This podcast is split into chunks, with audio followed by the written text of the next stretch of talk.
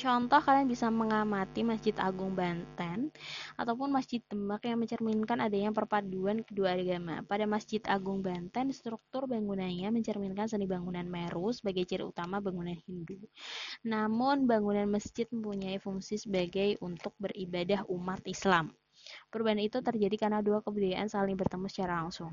Nah, bisa nggak sih kasih contoh di sekitar mengenai pengaruh kebudayaan masyarakat lain?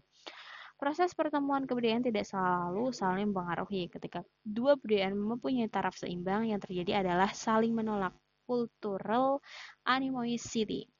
Bagaimana hal ini bisa terjadi? Keadaan itu dapat berawal dari keadaan masa lalu kedua kebudayaan yang mengalami pertentangan fisik. Pertentangan itulah yang kemudian dilanjutkan dengan pertentangan-pertentangan non-fisik.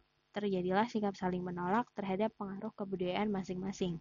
Contoh, cultural animosity terjadi pada kebudayaan Kesultanan Yogyakarta.